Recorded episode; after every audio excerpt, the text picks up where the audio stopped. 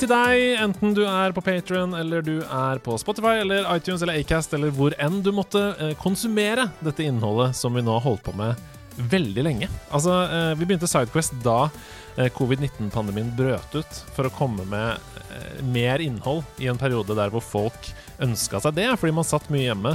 Og her er vi altså, dere. Pandemien er ikke over, og vi nærmer oss 100 episoder av Sidequest. Det er jo helt forferdelig å tenke på!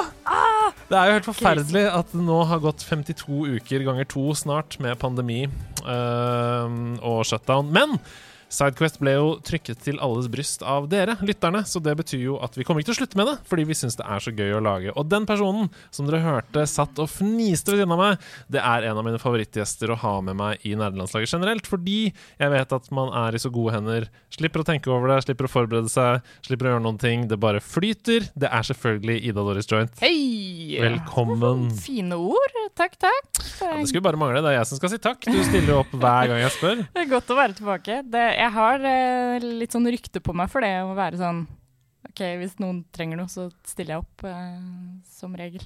Altså, det er en helt utrolig god egenskap, da. ja, det pleier å pay off, det gjør det. Ja, det gjør det. Eh, Du fortalte rett før vi trykka rec her, at du egentlig eh, skulle vært gutt. Ja.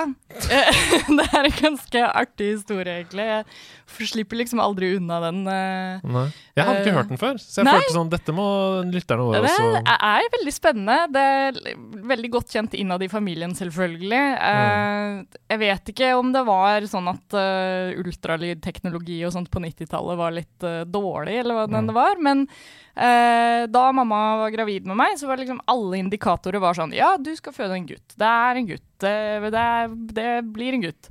Uh, helt fram til fødselen, liksom. Så mamma og pappa hadde jo de hadde bestemt seg for guttenavn. Jeg skulle hete Eskil, og det var god stemning, liksom.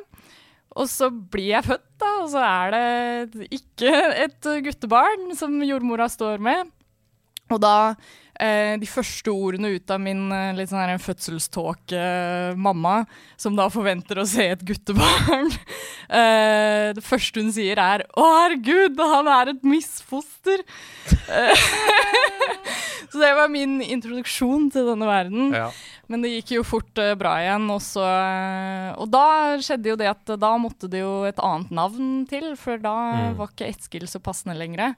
Og jeg tror faktisk at det gikk et par dager uten navn. ja. Eh, for de hadde jo ikke tenkt på noe jentenavn. Nei. Og jeg har tre søstre, og alle tre har sånn herre Å, oppkalt etter bestemor, eller ja, Det ja. er noen litt sånn meningsfylte navn innad i familien. Eh, mens i mitt tilfelle Storesøstera mi var obsessed med Emil i Lønneberget. Mm. Og søstera til Emil heter jo Ida. Ja. Så storesøster var sånn Å, her er min søster. Hun kan også hete Ida. Så, ja, det er koselig. Det er der Ida kommer fra. I neste episode av Sidequest så skal vi finne ut av hvor Doris kommer fra. Ja, det gleder jeg meg det, til. det, det er vi- også en veldig morsom historie. Det skal vi finne. Men Så- først og fremst så vil jeg bare si um, at du er jo her fordi Mm. du er jo et uh, spilleksikon. Uh, og fra podkasten Radcrew og Yes. andre steder på internett som uttaler seg om spill. Uh, gå og hør på det, folkens. Det er veldig veldig bra. Mange mange hundre episoder med innhold og mange timer. Uh, Ja.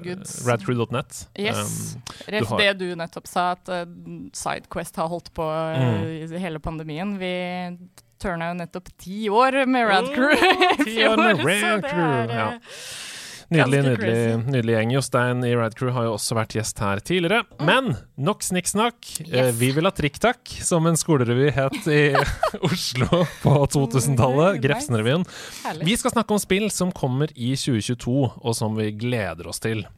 Og det er jo sånn at Sidequest er jo ikke fem timer langt, så vi har jo eh, valgt ut noen eh, her. Og jeg tenkte bare at vi kunne ta det i kronologisk rekkefølge fra eh, forventet release date. Og så til slutt så har jeg en slags sånn eh, to be confirmed-bolk. Litt sånn eh, mystery. og den er nesten like stor som hovedbolken. ja, herlig! Vi får bare kjøre på. For har, det er jo mange spill som ikke har fått dato, og det er jo også mange som er litt sånn up in the air med rykter om 2023 osv. Så, videre, så ja. Og så er vel 2022 litt sånn jeg føler at vi får en del av etterslepet av ting som kanskje egentlig skulle komme i 2021, og så har de vært litt sånn Nei, men vi venter til liksom dette pandemigreiene er litt over. Så mm. Føler liksom at det samme kan skje med 2022 òg. At uh, man kanskje får noen utsettelser og uh, Ja, vi får se. Vi, vi får se. Um, aller først ut så kommer et spill som faktisk kommer neste fredag. Altså Det kommer om en uke for dere som hører dette på Patron. Og det er jo en enorm forventning knytta til dette, for dette er det alle Pokémon-fans har ønska seg i årevis. Det er et open world Pokémon-spill, i hvert fall sier de det. Uh, Pokémon Legends Arcus, som kommer da 28.1. Uh, jeg husker ikke 100% din spillhistorie. Nei, men jeg har uh, forhold til Pokémon. Ja. altså, jeg, er jo, jeg er født i 93, så da er jeg mm. akkurat i, i målgruppen der. Mm, du treffer. Uh, men jeg har faktisk dette litt sånn av. Det er blitt en sånn nostalgigreie for meg. Mm. Jeg tror det siste Pokémon-spillet som jeg spilte, var vel Black and White. Ja. Eller kanskje det som kom etter. Black ja. Diamond and Pearl? Ja Mulig det var den jo, generasjonen der. Et eller annet. det var i hvert fall Nei, Kanskje Diamond and Pearl kom før Black and White? Ja. Nei, X and Y, var det det som X, kom etter Black and White? X and Y kom etter ja. Black and White, så, så, det er siste jeg spilte. Mm. Så har jeg liksom fulgt med litt sånn her og der, vært litt innom Pokémon Go. Og ja, men det er jo mye mer enn gjennoms den gjennomsnittlige gamer. Ja. Altså, uh, jeg føler man faller i to kategorier. Enten mm. så spilte man blå og rød, liksom, eller så har man spilt alle uh, opp til. Så du er jo Samla Pokédex. Ja, ja, ja, absolutt. um, men OK, i, i Legends Arcus vi, vi, tenker jo at i denne uh, episoden her så skal vi snakke litt om hva vi kan forvente også. Mm. og den aller største endringen i Legends Arceus er jo at dette er satt til en tid der hvor Pokémon er sånn u... Altså det er, eh, Man vet ikke helt hva det er, og det bare lever rundt oss. Og det er i hvert fall ikke noe man driver og fighter med og sånn. Nei, det er litt sånn uetablert verden. Mm. På, for det er jo det som har vært veldig tydelig i de tidligere spillene. At det er litt sånn, Du blir kasta inn i noe, og du blir ikke liksom sånn leid i hånda. Du blir liksom forventa å være sånn Å ja, jeg skjønner hva denne verden går ut på. på ja, ja. Og det er sånn, Du våkner i senga, og det er veldig tydelig etablert fra alle rundt deg at du ja, skal bli den største Pokémon-treneren hey! i verden! Go ahead! Ja. Uh, så det er jo ganske kult å få at det blir, føles litt ut som en slags sånn prequel, mm. litt sånn origin story-aktig verden for Pokémon. Mm. Og, og, det tror jeg kan være et sånt friskt pust for mange. For det det er kanskje grunnen til at mange også har falt av, er at Pokémon blir ganske sånn formulaisk ja, ja, eh, til slutt. Så det er sånn, du må være veldig glad i Pokémon for å liksom kunne være gira for hver neste release, på en måte. Mm. Og de tok jo på en måte ett steg i denne retningen med Sword and Shield, som mm. kom nå. For det er jo noen store Unnskyld? Det er jo noen store sånn wild-områder der, hvor det går Pokémon rundt, og du kan på en måte interagere ved å gå inn i fights med dem. Um, og det kom også en DLC, som ikke den The Armor Isles, men den andre, som ja. på en måte er bare et sånn svært wild-område. Men det som skiller seg fra her, er jo at du faktisk tar opp en fysisk pokéball og kaster på Pokémon. Yeah. I, I, den åpne verden, da. Istedenfor å gå inn i en fight der ja, ja. det er turn-based, og så fanger du den. Mm. på en mm. måte. Altså Her skal du fange med en gang. Det er jo veldig kult. Jeg, jeg husker i hvert fall da de annonserte det, så, sånn, så fikk jeg med en gang sånn flashbacks tilbake til ungdomsskolen. Vi hadde en periode da hvor alle hadde lasta ned emulator på skole-PC-en, og alle satt og spilte Pokémon Red i, mm. i timen. uh, og da hadde vi en lunsjdiskusjon som var sånn Å, hvis vi skulle lage liksom drømme-Pokémon-spillet, hva hadde det vært? Mm. Og Open World var liksom noe som stadig kom opp. da. At det var sånn uh, oh, tenk deg bare ha liksom noe hvor du kan gjøre ting litt på dine egne premisser. En slags Pokémon-MMO, på en måte, ja, da, var også mye kasta rundt. Med liksom dailies og weeklies og quests og sånn? Ja, mm. og liksom ha Tenk deg om du har eh, Jeg husker En av mine ideer var en Pokémon-MMO hvor du har sånn hele verdenskartet som er bare alle regionene fra ja. alle spillene. At du bare tar alt sammen inn i ett spill, og så er du ready to go. Ja. Um, Nei, det høres ut som en drøm. Um, Det er jo ikke helt det vi får i dette spillet, men, men det er ikke så langt unna heller. Altså, um, vi får ikke et MMO, åpenbart, men, men vi får jo et spill der hvor man har på en måte sett til Breath of the Wild, for eksempel. Mm. For uh, i Breath of the Wild så får du jo en uh, hangglider, det er ikke noe spoiler, for du får det veldig tidlig, uh, som gjør at du på en måte kan skli rundt, da. Ikke fly, men det er, det er det tetteste du kommer på.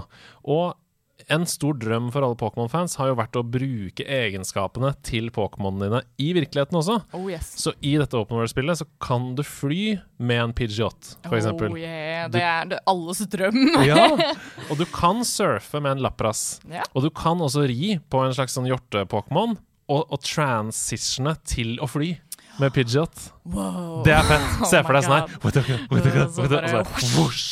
Det blir sånn som i uh, Pokémon-introen Ja. uh, til uh, Pokémon-animeen, hvor du bare ser alt, at det går fra at han flyr på Pidgeot til Ja, det, kanskje Mm. det bare er det de har tatt inspirasjon fra. Jeg håper det. Um, jeg er litt usikker på Det eneste jeg er usikker på, for jeg, jeg syns det ser veldig bra ut Det eneste jeg er usikker på, er om det blir for sandbox. Altså Mm. Ja. at det blir for sånn lite historie og bare sånn gå rundt og oppleve og fange Pokémon og være i den verden.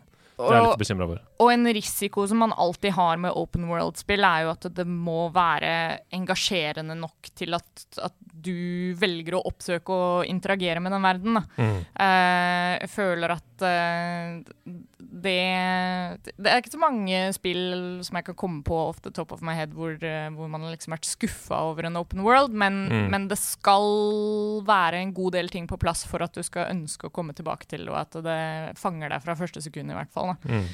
Eh, og det kan være litt vanskelig hvis man har en litt sånn ikke-lineær eh, modell. Mm. Blir spennende å se. Det blir spennende å se. Jeg tror vi lukker Pokémon Legends Arcus der og går videre. Eh, og til dere som hører dette og tenker sånn Hvem er det som roper i bakgrunnen nå? Hva er det som skjer i bakgrunnen? Vi sitter her på House of Nerds, og det koker jo på House of Nerds! Er, Eh, så- så- folk er så sultefora på å komme seg ut, ikke sant? Nei, så Vegg i vegg med oss her så er det uh, VR Escape Room, eh, og de driver og eh, løser en eller annen quest. Det er så engasjerende greier, det der. Altså. Videre, vi skal um, bare ja, bare tre uker fram i tid, vi. Og til en av de aller kuleste kvinnelige hovedpersonene jeg vet om. Hell Eh, det er selvfølgelig Aloy jeg snakker om, i Horizon Forgotten West den 18. februar. Oh yes. Er du klar, eller? Jeg, jeg tror det. Eh, Så jeg må kanskje børste litt støv av min PS4. Jeg har ikke Ja. fått noe PS5 ennå. Ok, Sony, PlayStation Norge, nordisk film. Kom dere på Hvis dere hører på dette, Ida må ha PS5. Da må de da må du ikke høre på de Radcrow-episodene hvor jeg snakker om uh, veldig passionate om hvor stygg jeg syns PS5-en er. Men, eh, ikke hørte stryk, det, Stryk det, stryk det. Hun, hun må, men hun må, bli Ja. om, hun blir omvendt for å bli en slags ambassadør. Hører dere dette? Ja, ja, ja. Det, det er jeg med på. Jeg, så jeg Bare ta den dere har gitt til Mats Hansen eller noe, og gi til Ikke sant? Jeg har alltid vært uh, Sony-fangirl, i hvert fall, så det, det, Nei, det har jo jeg også. rett. Ikke Ikke girl, men jeg har vært fan. ja. Nei, så Horizon er jo kanskje min mest uh, forventa spillrelease i år. Oh, ja. Um, jeg var veldig glad i første spillet, selv om uh, ironisk nok jeg spilte det ikke så mye. Um, jeg tror jeg hadde uh, uppa vanskelighetsgraden litt uh, betydelig, og uh, det endte med at uh, jeg var veldig engasjert i storyen, men Mm. ikke så engasjert i gameplayet. Oh, ja, okay. Så jeg bare sendte kontrollen videre til min eh, da min samboer, nå Mm. min ektemann. Ja, gratulerer! Eh! Vi har begge ring på fingeren. Yeah! Vi må gjøre sånn, for det Ja, klink, klink, klink. Det er en ting man kan gjøre når Det, man er det er eneste grunnen til å gifte Ja. Men du, seriøst, når jeg kjører bil ja, Jeg er sitter så så mye på rattet eller på girspaken eller sånn og bare Ha en sånn Ja. egen fidget-toy. Det er akkurat det man har. Uh, men ja, så jeg ga kontrolleren til han, og eh, lot han liksom spille mens jeg fulgte med på storyen. da. Ja. Men det er en god løsning, Eh, det. det er veldig god. Jeg anbefaler det til de fleste. Jeg har, liksom for vane å rage-quitte en del spill som jeg egentlig har lyst til å spille. Så da er det godt å ha en veldig sånn zend out uh, samboer. Ja, det er godt. det. eh, Alle skal ha det. finnes ikke et snev av rage-quit i han i det hele tatt. Så selv på den der helvetes liksom første T-rex-bossen eller noe Mm. sånt også, så var det sånn Jeg prøvde én gang og var sånn Jeg skal aldri boote opp PS4-en min ever again. Ja, ja. og Joakim bare jeg ordner det her. Mm. Um, Men, eh, men ja. blir du da eh, på en måte deppa på egne vegne, eller blir du bare glad for å få hjelp med videre? Nei, det, jeg blir bare glad for å få Ja. hjelp med det, fordi For det er eh, en ekstremt god egenskap. veldig Det må du ta med deg. Og jeg har liksom Det har jeg sagt om meg sjøl mange ganger på Radcrow og sånt også. Jeg som gamer er historiefokusert, Mm. liksom. Så, så det er ikke nødvendigvis selve spilldelen av det som, eh, som fenger meg. Så, så om jeg liksom rage-quitter nå, så er det ikke et nederlag for meg at det er sånn Oi, det er ikke jeg som har spilt det. Nei, jeg skjønner. Uh, så, men jeg, jeg satser jo på at uh, jeg kanskje skal ikke bli så mye rage-quitting i, i Toward. Nei, men i tillegg til åpenbart en um, ny historie, en fortsettelse av den uh, tidligere historien, så er jo faktisk en del av de endringene vi kommer til å få i dette spillet, uh, gameplay-fokuserte. Um, hva, hva tenker du om det? Det er jo det er jo det som alltid er godt med en oppfølger, da, særlig en oppfølger hvor den første allerede er, har et ganske godt fundament. Da får du en del av de sånn Satser i hvert fall på da, å få en del sånne små quality of life updates. Så, sånn, de tingene som kanskje var litt kronglete i, i starten, var, eh, er endra på. Uh, nå skal det sies da at den, den eh, DLC-en som kom til um, Zero Dawn mm. Uh, Frozen Wilds, Mm. er det vel. Uh, den spilte jeg jo gjennom, og da var det sånn Å ja, nå kommer jeg litt tilbake i filen og, Mm. og gleder meg veldig til å, til å spille neste. Det er jo også et, et helt sånn fantastisk sci-fi-univers Ja. som eh, er et veldig sånn friskt pust i den sjangeren. Eh, veldig fin balanse mellom det derre oh, det er framtiden, men det er litt sånn uh, the ancient og, Mm. uh, og ikke minst uh, en av de liksom kuleste storyene sci-fi-messig, da. Mm. Når du kommer til liksom twisten i den første Mm. gamet og sånt, så er det dritfett.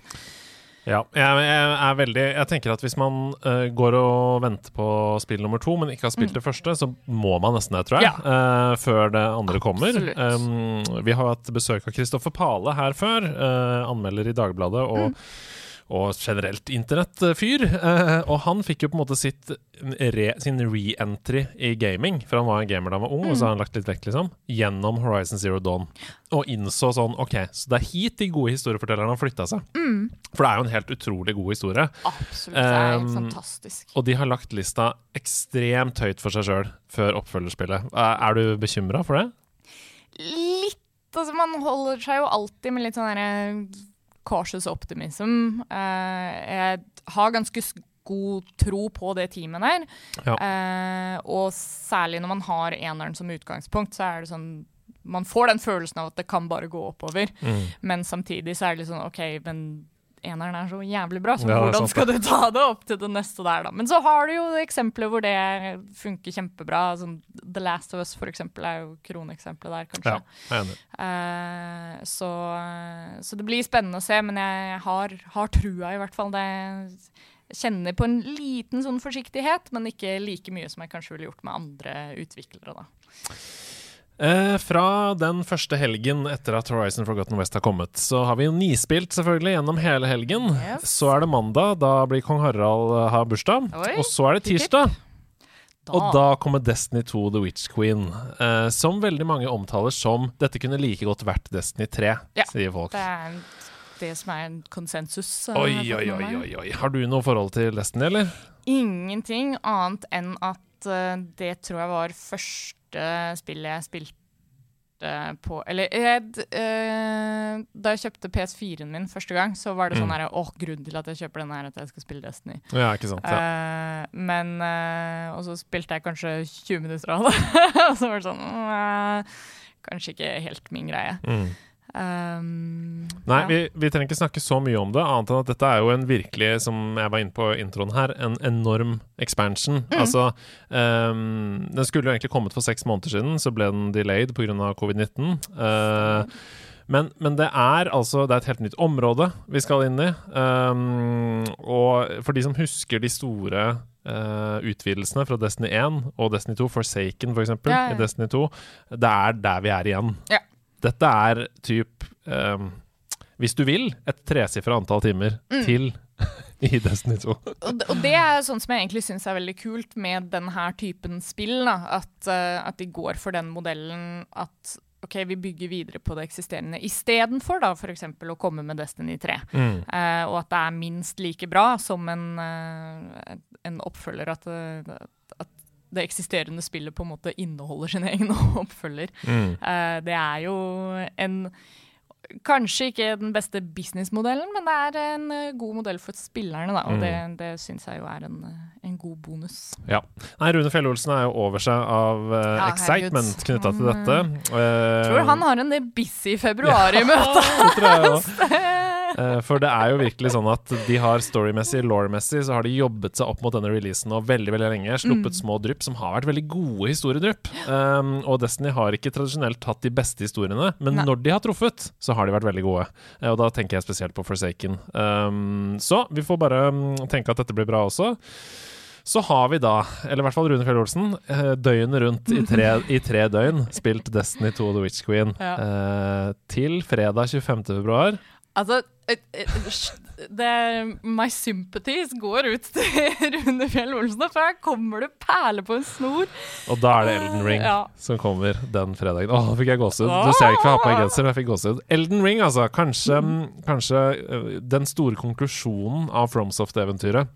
Fra Demon Souls via Definitivt. Dark Souls og Bloodborne via Sekiro til det absolutt på en måte epitome of uh, FromSoft. Det er jo et helt uh, vilt tidspunkt for dem å gi ut noe sånt her. Fordi jeg føler FromSoft har liksom Du har alltid hatt den derre cult-followingen deres, på en måte. Og så Mm. føler jeg at med Dark Souls 3 så bygga det seg liksom mer og mer oppover. Og flere og flere som hausa det opp, og det ble til en sånn stor greie. da. Mm. Og så særlig nå med de, de eh, senere releasene òg, når liksom flere og flere lesser seg på.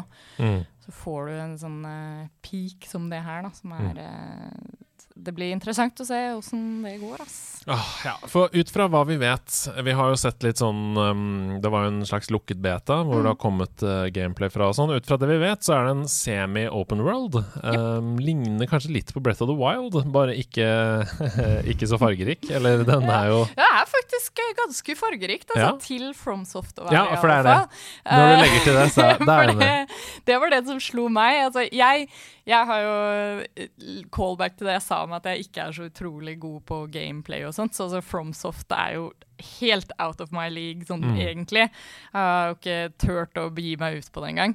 Eh, og selv om jeg har vært litt sånn interessert, jeg har liksom skjønt at OK, Bloodborne var jævlig bra og, og sånne ting, men, men så har jeg aldri kasta meg ut i det.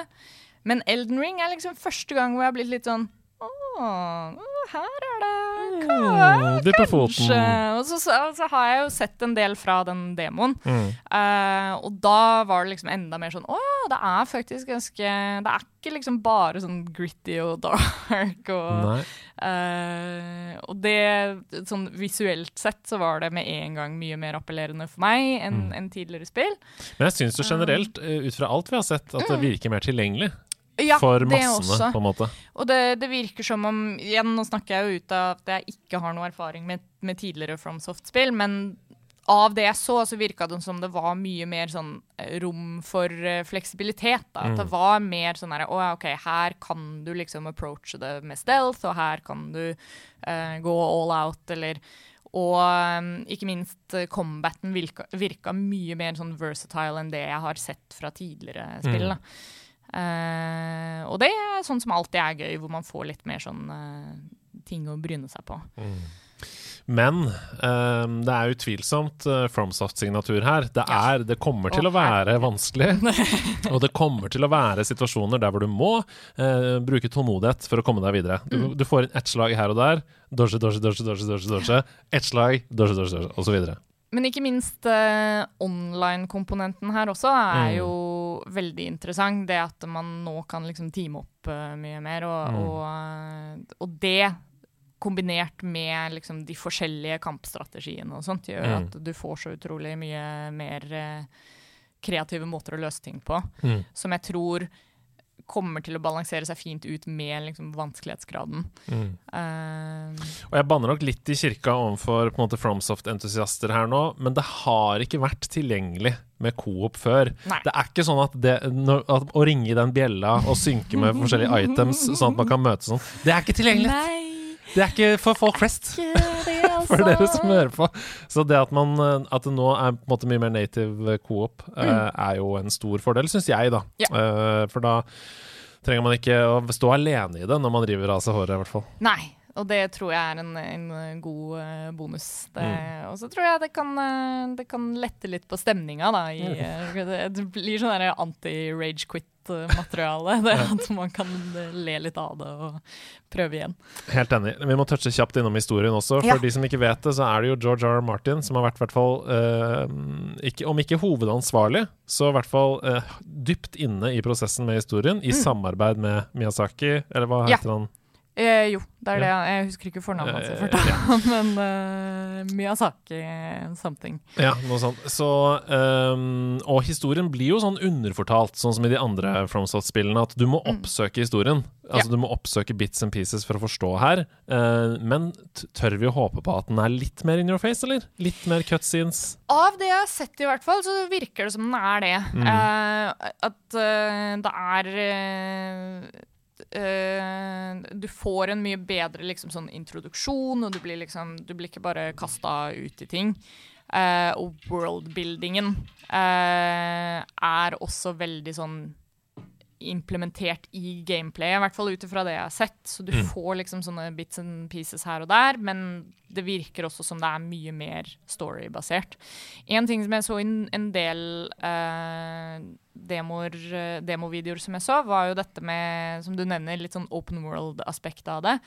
Men også litt den der klassiske at ja, du har en open world, men så er det noen områder som liksom plutselig er det sånn oh, her er det stengt. eh, oh, hvordan kommer jeg meg inn hit?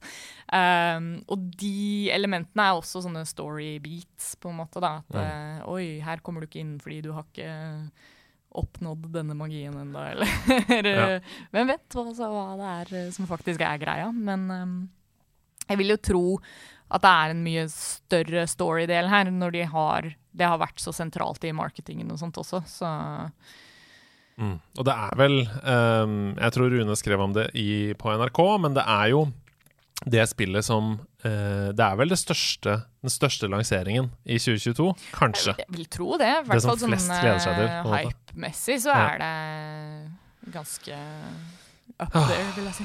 Men for meg så er det ikke den største lanseringen i 2022, fordi bare uka etter, eh, fredagen etter Elden Ring, faktisk, den Det hadde vært 4. kult å se noe mars sånn feriestatistikk for februar. Altså, jeg tror mange som har søkt seg ut noen fridager der. Ah, den 4. mars, da skal jeg tilbake dit hvor jeg brukte hundrevis av timer i oppveksten, og endelig er det spillet som går back to the roots. Jeg vet at spillutviklere det har gått på en måte, hva skal jeg si, eh, farsott. At det er sånn, ja, nå skal vi tilbake til mm. der vi var en gang. Men her skal vi faktisk det. De gamle menyene, gamle tuningshoppen, gamle verkstedet. Det er Gran Turismo 7 jeg snakker om Oh, den 4. yeah. mars. Gåsehud nok en gang. Ja. Ja, vi skal til Laguna Seca, vi skal til Monza, vi skal til Nürburgring og mm, kjøre endurance race i Gran Turismo 7.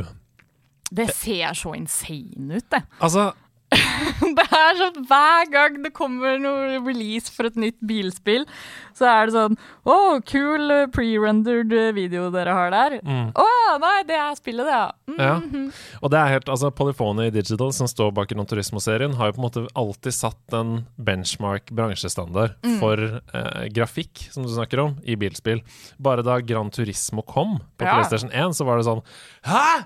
Det er jo som å kjøre bil! Helt ekte. Og hvis du ser på videoen av det nå, det ser ikke ekte ut. men, men nå ser det ekte ut. Ja. Altså, jeg, klarer ikke å skille ekte video og CGI eh, når jeg ser på video fra det det spillet. helt sykt. Uh, og, de har fått til noe helt uh, crazy der. Så hvis på en måte gameplayet, hvis um, resten av det spillet uh, svarer til forventningene basert på grafikken, Mm. så blir det sannsynligvis det beste Gran Turismo-spillet som har kommet. Absolutt. Og da er det sannsynligvis et av de beste bilspillene som har kommet. Um, eh, la meg korrigere. Um, bilsimulatorene som har kommet. Ja, det er riktig. Fordi Forsa Horizon, for eksempel, Ja, det er et er bilspill. Ja. Det er ikke en simulator. Godt poeng, godt poeng.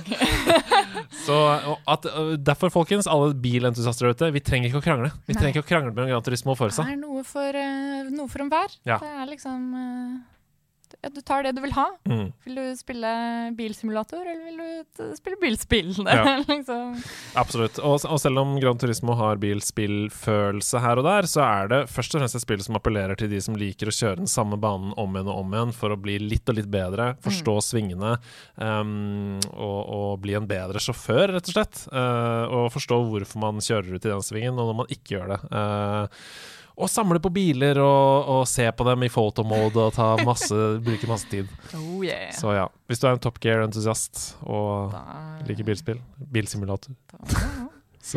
Eller hvis du er, bare er eh, grafikknerd også, så er det liksom egentlig bilspill, bilsimulator-arenaen er vel eh, der du får eh, testa hardwaren din eh, ganske greit. Mm. Og dette er jo et PlayStation-eksklusivt spill.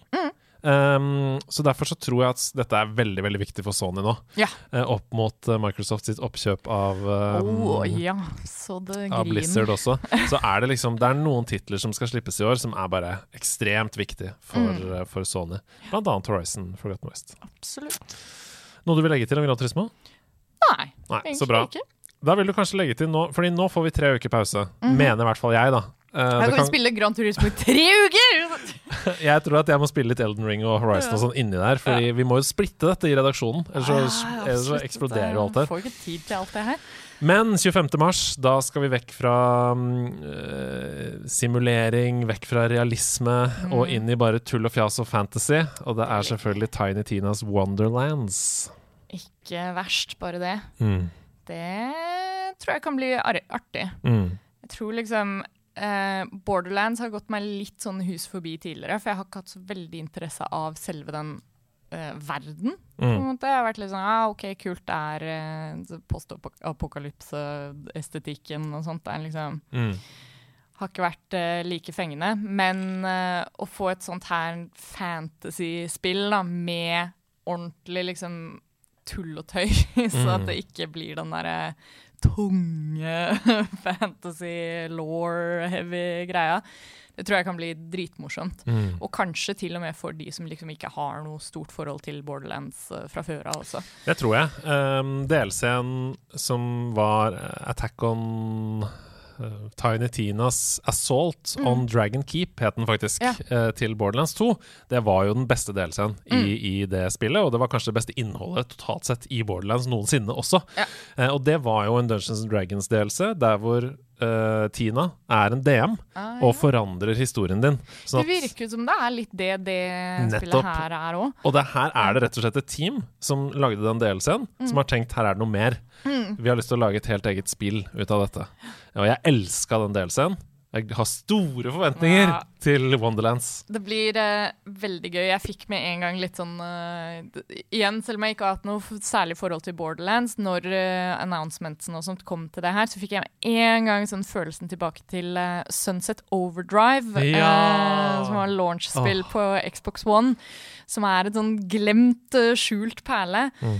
Og det spillet var så morsomt, nettopp fordi det hadde så mye av den derre teite humoren, Mm. og det var liksom Det tok seg selv så lite seriøst. Mm. Og jeg fikk den samme feelingen her, og da var det sånn oh, det her har jeg lyst til å teste ut. Helt enig. Jeg tror det blir fantastisk. Vi har snakka Mm. mye om det i neder- nederlandslaget, så vi går videre vi. til et spill som vi nesten ikke har snakka noe om. Mm. eh, med en utrolig kul, ut fra hva vi kan ha sett i trailere, kvinnelig hovedperson. Yep. Um, det ser ut som en slags God of War action-adventure. Um, med litt andre elementer også. Mm. Og det er Forspoken Ja! jeg snakker om. 24. mai.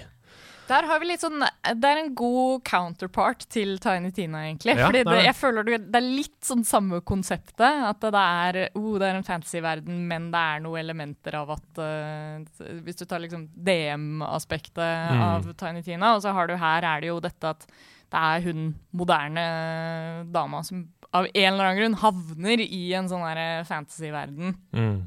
Jeg husker når trailerne først kom for det, og sånt, så var det sånn veldig confusing. Det var sånn, Hva er det her for noe? Og det var så veldig tydelig at det var noe som vi aldri har sett før, da, Mm. storymessig. Eh, og det er uh, instant eh, win i min bok, Mm. med en gang du har noe som er litt sånn ny, nytenkende.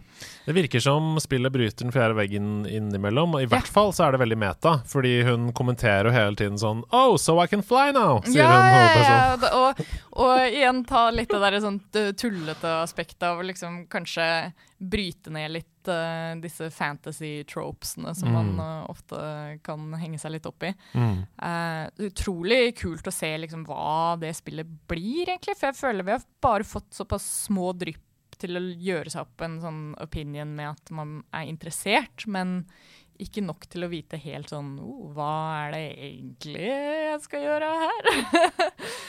Nei, Jeg er helt enig, um, men jeg syns jo det ser Altså, uh, grafikkmessig så ser det jo helt smashing ut. Ja. Det ser ut som God of War, Ja. liksom. Um, og det er jo Square uh, Enix som er utgiver, i hvert fall. Luminous Production, Production som er utvikler. Mm. Og det er jo et uh, konsolleksklusivt spill til PlayStation. Ja. Nok en viktig tittel for dem Absolutt. i 2022. Um, men men jeg, ja, jeg er veldig nysgjerrig på Altså, hvis historien ikke bikker over i sånn uh, ah, Nå er jeg lei av å høre at du Ja. til, til stadig repeterer det at dette er så rart, Ja. liksom.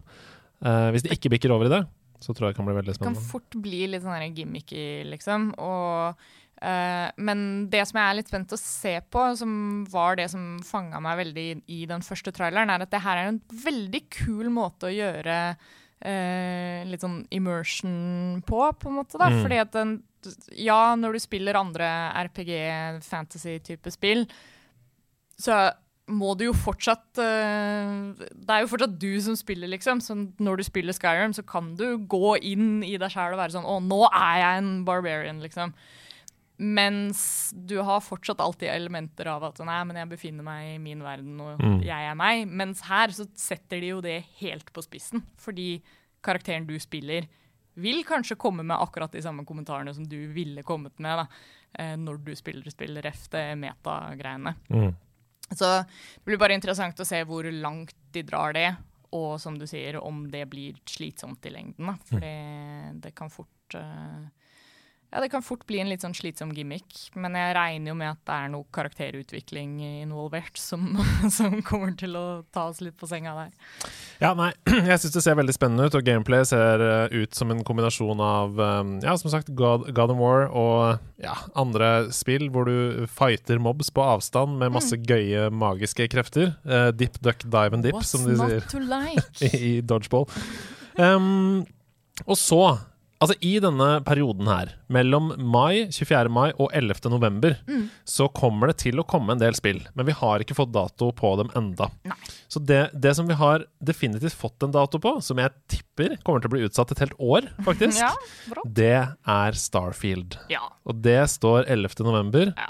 2022. det tviler jeg på at kommer i år, altså. Ja, det tviler jeg også på. Og det uh, og om det kommer i år, så kommer det til å være en sånn disaster launch så. Sånn som Skyrim var. ja, ja. Det altså, det kommer jo til å være en disaster launch uansett, siden det er Bethesda, liksom. Ja. Men, men eh, det kommer til å være ekstra krise. For de som kan sin spillhistorie, så kom jo Skyrim 11.11.2011. Ja. Og det er grunnen. Det er utelukkende grunnen, tror jeg, til at de har sagt 11.11.2022. Elleve år etter det forrige spillet. Ja. Eh, som en slags um, deadline for seg selv, da. Ja. Um, men den kom Jeg kan ikke skjønne at de kommer til å klare å holde den, med tanke på hvor lite vi har sett av spillet. Ja. Vi har ikke sett noe gameplay engang. Vi har bare sett en Jeg sett eh, video. ting, liksom. En CGI pre-rendered video. Ja. Så, og nå er det januar. Det er bare ti måneder til. Så ja. Og særlig den, det ble, den datoen, hvis jeg ikke husker helt feil, ble vel annonsert liksom før korona og hele Ja, greia. Så det er, jo, det er jo mye som har eh, omrokert seg i utviklingsprosessen også, vil jeg tro. Mm. Så um, Men det er Skyrim in space, altså. Det er det de bruker offisielt Ja. som en uttalelse om det. This is Skyrim in space. det Og da er jeg om bord med en gang, egentlig. det er sånn uh. Og det, altså, jeg er jo alltid science fiction først, for min del. Mm. Uh, og selv om jeg er superglad i Skyrim, liksom, så, så er det alltid den derre Åh, det hadde vært så kult å ha noe sånt her, bare som i space, liksom. Mm. Og så kommer det her, og det er uh, På papiret så er jo, tilsier jo alt at det her skal være mitt drømmespill, liksom. Mm. Så jeg Og ref det jeg sa med Horizon Zero Dawn, hvor hvor jeg da er liksom Der har jeg ingen sånn tviler. Her så er det sånn Jeg burde være supergira, men det er liksom Ja. Det er en så liten stemme som er sånn Å nei! Det, det, du, du kommer til å bli så skuffa hvis Ja. du hyper det opp for mye for deg sjøl. Jeg er litt bekymra for at um, det studio har en uh, historie med å lage fantastiske fantasy-verdener. Uh, Oblivion, Morrowind, Skyrim osv. Um, og i fantasy så har man mulighet til å strekke det litt lenger. Man har mulighet til å tulle litt med uh, Arrow to the knee. Ja. Man, man har mulighet til å lage på en måte mer sånn herre um, ja, eh, eh, karakterer som er skrudd til 11, da. Eh, og, og det er fantasy. Altså, du skyter noe eh, flammer ut av hånda, og ikke sant. Det er eh, Reglene for verden er mer tøyelige, og det aksepterer vi som gamere. Ja. I en sci-fi så er det vanlige mennesker Det som går rundt i romskip. Ja. Uh, og det er ikke så åpent for, fra spillerens perspektiv, at det er tullete vakter, sånn som i Skyrim. Det er et, du tynges jo ned eh, mye mer når det kommer til eh, sci-fi. Særlig med tanke på at du skal alltid ha I hvert fall inntrykket jeg får av Starfield også, er jo at de går for veldig sånn hard sci-fi. Mm, Destiny. ja. At det er Det skal være et element av realisme her. Eh, og da har du med en gang satt deg sjøl i en ganske vanskelig boks, Mm. hvor enten så må worldbuildinga di være sånn helt insane, eh, og det estetiske må liksom veie opp for alle andre mangler, Mm. eh, eller så må du ha en helt sinnssykt historie, liksom, Mm. for, at, uh, for at det skal kunne stand out, på en måte, da. Mm. For uh, det særlig når det er sånn her oh, videospill i verdensrommet. det er så sykt mye generisk Ja. eh, sci-fi der ute. Um, og, og særlig da når man har track recorden som Betesta sitter på, da, så ligger jo forventningene med en gang på et helt annet nivå. Mm. Uh, så det blir interessant å se om de klarer å levere på det her. Altså. Men en liten bonus er jo det at de har snakka om at det prosjektet her har liksom vært et sånn hjertebarn ganske lenge. da. Mm. Og uh, når man hører om sånne prosjekter, i hvert fall, i, hvert fall sånn i filmverden og sånt, når det er sånn oh, dette er filmen jeg alltid har hatt lyst til å lage, endelig så kan jeg lage den, Mm. Så blir det som regel ganske bra. Ja da. Eh, Og jeg føler, altså um, Sånn humormessig, da, Mm. så er det f.eks. masse humor i Star Wars-universet også. uh, og ofte så har det gått bra, og eh, ganske mange andre ganger så har det gått veldig dårlig. Ja. Så jeg føler at vi står i en sånn Star Wars-situasjon her. Enten så blir det på en måte The Empire Strikes Back, eller Ja. så blir det Episode One. Ja. Jeg mener? Eh, og det er sånn, fordi hvis man trykker for hardt til på den derre um, Arrow to the knee, Ja. så får man um, Misa. Liksom. Jar Jar Binks. Da får du Jar Jar Binks. Men hvis du trykker akkurat nok på gasspedalen, da så får du liksom uh, noen av de fine humorsceneseansene mellom, eh, mellom Luke og Mm. Og han, han, han. Solo. Ikke sant. OK. Så over til kategorien 'ikke fått dato'. Og her er en liten røver som du hadde lyst til å snakke om. Ja. Eh, Den heter Ghostfire Tokyo. Stemmer. Um, blanding av Infamous, har jeg skrevet, og Dishonored, kanskje, Ja. Uh, med skrekkelementer. Hmm. her er også en liten sånn uh, nøtt om at vi har sett litt gameplay og litt story beats og sånt, men fortsatt ikke helt Mm. sikre på hva det spillet her er. Og det er grunnen til at jeg er ganske intrigued, da. Jeg, Mm. du kan vel høres gjennom hele denne episoden at jeg er veldig interessert i ting som jeg ikke vet helt hva er. Uh, da, da, det ligger noe i den der nysgjerrigheten, ass. Spillselskaper vet å utnytte seg av det. Mm. Um, Det er litt sånn Death Stranding-aktig. Ja, ja. Jeg, og jeg tror det er derfor det appellerer så godt til meg. Da. Eh, det her har jo vært um, litt sånn i vinden, i hvert fall helt siden den første annonseringen av det, hvor hun uh, Verdens kuleste. Ja, hun verdens kuleste og søteste spillutvikler kommer ut og annonserer et spill som er spooky. Uh, og bare tidenes E3-moment. Uh, og f anbefaler for øvrig også å følge henne på sosiale medier, altså, for hun er Ja, minst like sjarmerende der. Um, og ja, det er et spill som bare ser veldig weird og kult og interessant ut. Og jeg er vanligvis ikke så glad i horrorspill, Mm. men det vi har sett av det her så langt, eh, heller liksom litt mer mot den derre ja, den Death Stranding-type horroren. At mm. det, er ikke, det er ikke et spill som er skummelt for å være skummelt, men det er omstendighetene rundt det som gjør at det er en sånn uggen stemning, da. Mer enn uh, mer enn at det er direkte scary.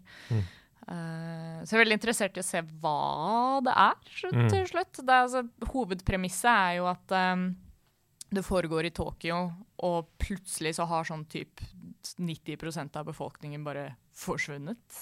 Og hva har skjedd? Og det er jo ofte et godt premiss. Jeg syns jo f.eks. The 300, som er litt omvendt. Det er en TV-serie der hvor det plutselig kommer 300 mennesker tilbake igjen, Ja. som har vært forsvunnet lenge, og ikke aner hva som har skjedd. Sånn, uh. Det er et gøy premiss. Um, Særlig for spill, så alle sånne stories hvor du må liksom unravel ting Mm. lite litt, grann, det er jo en kjempegod oppskrift for eh, Mm. spill, for da, da er du interessert fra første stund, da. Ja. Fordi du har liksom en, en Storyen i seg selv er en quest, liksom. Så Mm. det blir kult å se, se Finne ut mer av hva dette spillet faktisk kommer til å være. Vi sveiper kjapt innom tre titler. Mhm. um, den første kan vi snakke mer om sannsynligvis i, om et år. Mhm. Fordi det er veldig sterke rykter om at det blir utsatt til 2023. Og det er jo Hogwarts Legacy. Ja. Uh, dette open world Harry Potter-spillet. Åh, hør på det! Hvor du kan være selveste Harry. Harry! Oh! Eller Hermine, eller noen andre. eh, eller din egen. Altså, du er jo deg sjøl, men du kan jo leve deg inn i en verden, da. Eh, Det er eh, eh, Galtvort-skolen The Game. Er det? Det- For de som hang på, på det forumet. Ja, 100% Nei, og det er jo det. Det er akkurat det der. Open World Harry Potter. Men som sagt, det går nå veldig, veldig Det er veldig mye som tyder på at det blir utsatt til 2023, så vi snakker ikke så mye om det. Vi går heller videre til en liten uh, bobler som eh, ingen snakker om, og derfor så vil jeg nevne den. Lord of the Rings Gollum. Ja, den er et spill som bare dukker opp titt og ofte, som jeg alltid glemmer at kommer ut. Ja, og det kommer også i år! Yeah! What?! Eh, Hvordan skal vi få til det? Nei, si det. Jeg elsker jo Middle Earth. Ja, jeg elsker jo Lord of the Rings-universet. Lest uh, alt som fins. Uh, Silmarillion uh, oh, Hva heter alle disse bøkene, da? Uh, Silmarillion, Fall of Gondolin, Ja. Children of Hurin, Children of Unfinished Húrin. Tales. det, Children of Hurin leste jeg ved en Eh, basseng i Frankrike. Eh, eh, veldig deprimerende faktisk Jeg skal lese Silmarillion på nytt igjen akkurat nå. Det, Ja, for nå kommer nå, ah, nå kommer jo video fra Amazon-serien til Det er mye som skal skje i 2022! Nei, men eh, dette spillet, Lord of the Rings Gollum, det er et stealth-spill Mm. der man iblant klikker, har jeg skrevet. Fordi, fordi det er liksom stealth, men plutselig så er det sånn Du snapper som Gollum, da, og angriper litt og fighter litt og sånn. Mm. Uh, jeg er litt bes- Eller ikke bekymra, men vi har ikke sett noen ting av gameplay. Vi har sett en liten video. Mm. Uh, og studio som har lagd det, har vel ikke noe sånn enorm track record heller? Nei, det har hele tiden slått meg som et spill som er litt sånn uh, Litt mer som et prosjekt. Mm. eh, og en Jeg tror liksom enkleste måten å beskrive tilnærmingen jeg har til dette spillet, er at jeg har egentlig sett på det litt som en slags tech-demo. Mm. Eh, at ja, vi gir det ut som et spill, men det er også et prosjekt som vi har pusla med for å se litt sånn hva kan man gjøre med Mm. et spill, og teste ut forskjellige ideer, og så tilfeldigvis så bare passer liksom denne Gollum-formelen veldig bra til det. Ja. Um, Nei, så Vi har ikke sånn enorme forventninger til det, men det kan bli veldig gøy. Og Gollum er jo en kjempeinteressant karakter. Eh, og universet er jo fantastisk, det Mm. vet vi jo. Så. Men jeg får liksom følelsen av Lara Croft Go når jeg ser video. ja, Altså Fordi det er sånn eh, NPC-ene De står sånn og snur seg bare rundt på samme sted og sånn. Så Ja. er jo sånn jeg føler at det er et sånn type spill som kanskje ikke kommer til å ha sånn enorm sånn, At det er sånn OK pluss, liksom, Ja, men at det kommer til å være en sånn artig opplevelse. mm, Og deilig å kunne Eh, spille noe fra ja. Middle Earth igjen. Ja. Absolutt. Eh, kjapt innom eh, første Kirby i 3D. Ja! Noensinne. Kirby and Oh the Forgotten Land. Det ser ut som Super Mario Odyssey, bare med Kirby. Det er uh, You love to see it. Det Ja. er jo helt fantastisk. Det er jo akkurat det det er.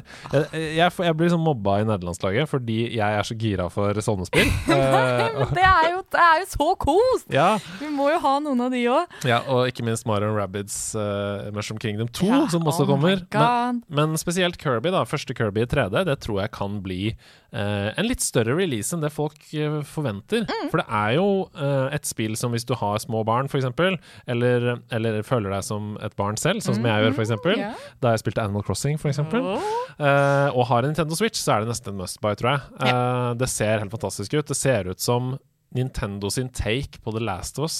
Ja, Fordi, det en god måte å beskrive det på.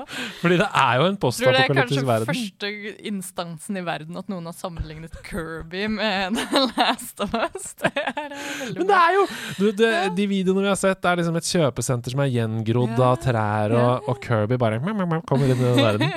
Så det blir spennende. Ja, det, det tror jeg blir veldig gøy. Det, det er noe med akkurat de der type spillene, som Super Mario Odyssey og sånt også. Altså 3D Nintendo-spillene er alltid Der kommer den derre eh, Der hvor jeg vanligvis blir veldig sånn sliten av gameplay.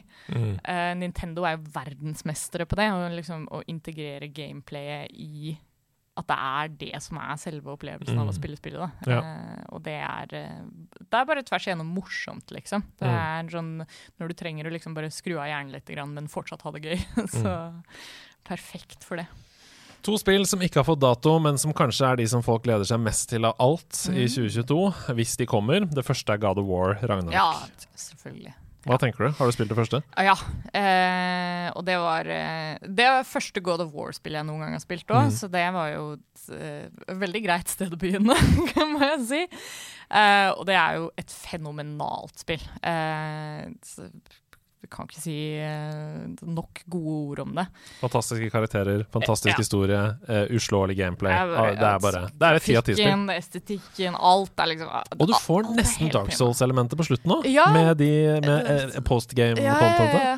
Det er, Og det er, er helt fantastisk. Eh, så selvfølgelig er man jo gira for å se åssen man kan Litt i tråd med, med hva vi sa om eh, Horizon også. Hvordan kan man liksom steppe up da, fra det? For det er jo det man forventer med en, en oppfølger. Mm.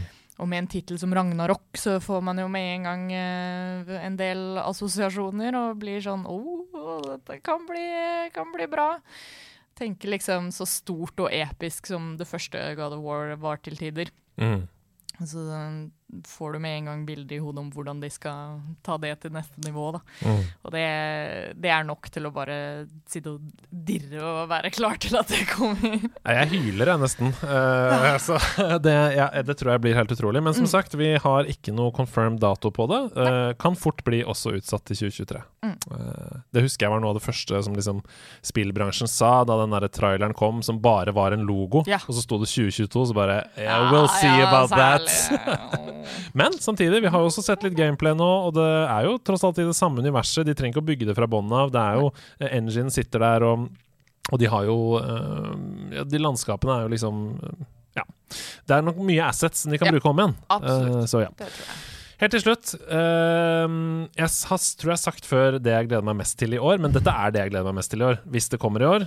Det er Breath of the Wild 2. Oh, ja. Wow. Det tror jeg kanskje ikke kommer i år. da. Nei, ikke si det, da. Ha noe party boomer.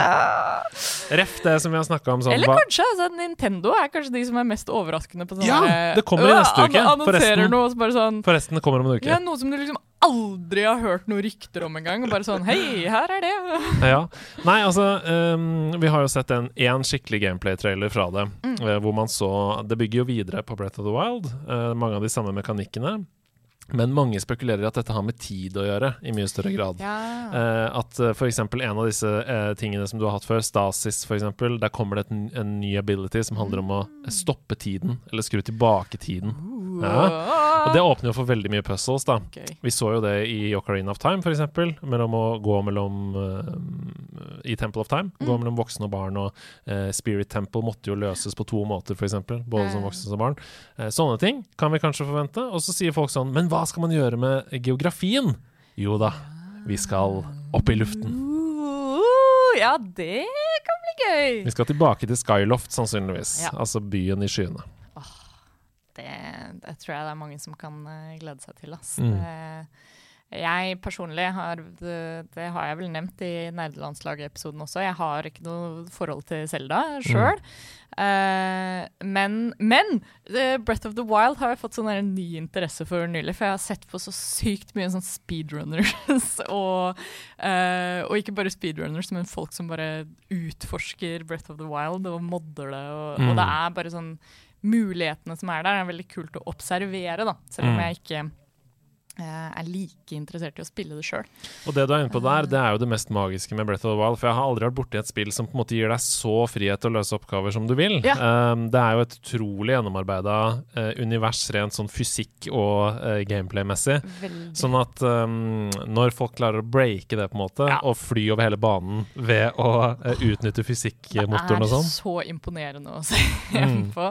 Og det er jo eh, kjempekult med en oppfølger, da, hvor man kan, eh, kan få mye nye sånne ideer. mm. Og jeg, og jeg tror jo at det ligger noe i det at i en sånn mellomperiode at utviklerne også sitter og ser litt på, på disse tingene, og hvordan folk løser ting og får noen ideer, da.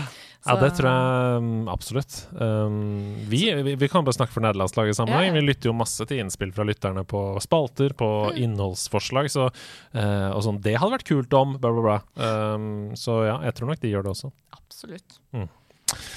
OK, da er vi ved veis ende. Ja. Eh, 2022 kan bli helt absurd, men det blir veldig garantert uansett helt sjukt. Det Eh, I hvert fall det som er confirmed at kommer, eh, er vel nok til å veie opp for det som Ah. eventuelt blir utsatt eh, også, vil jeg tro. 100 nå, Ja. Det kommer jo nå bare om en måned, liksom. En Ja. hel eh, kladd med spill. Eh, men husk da, folkens, ikke la dere stresse av det. Ikke kjøp alle spillene på likt. Nei. det eneste Spillet blir ikke noe dårligere av å vente. Det blir bare billigere. Det, det, er, så- det er faktisk sant. Godt poeng. OK, uh, 2022. Vi gleder oss, vi. Ja. Man kan si det. Man kan si det. Ha det bra, da, lytterne. Bye! Vi ses igjen neste uke. Lyttes, i hvert fall.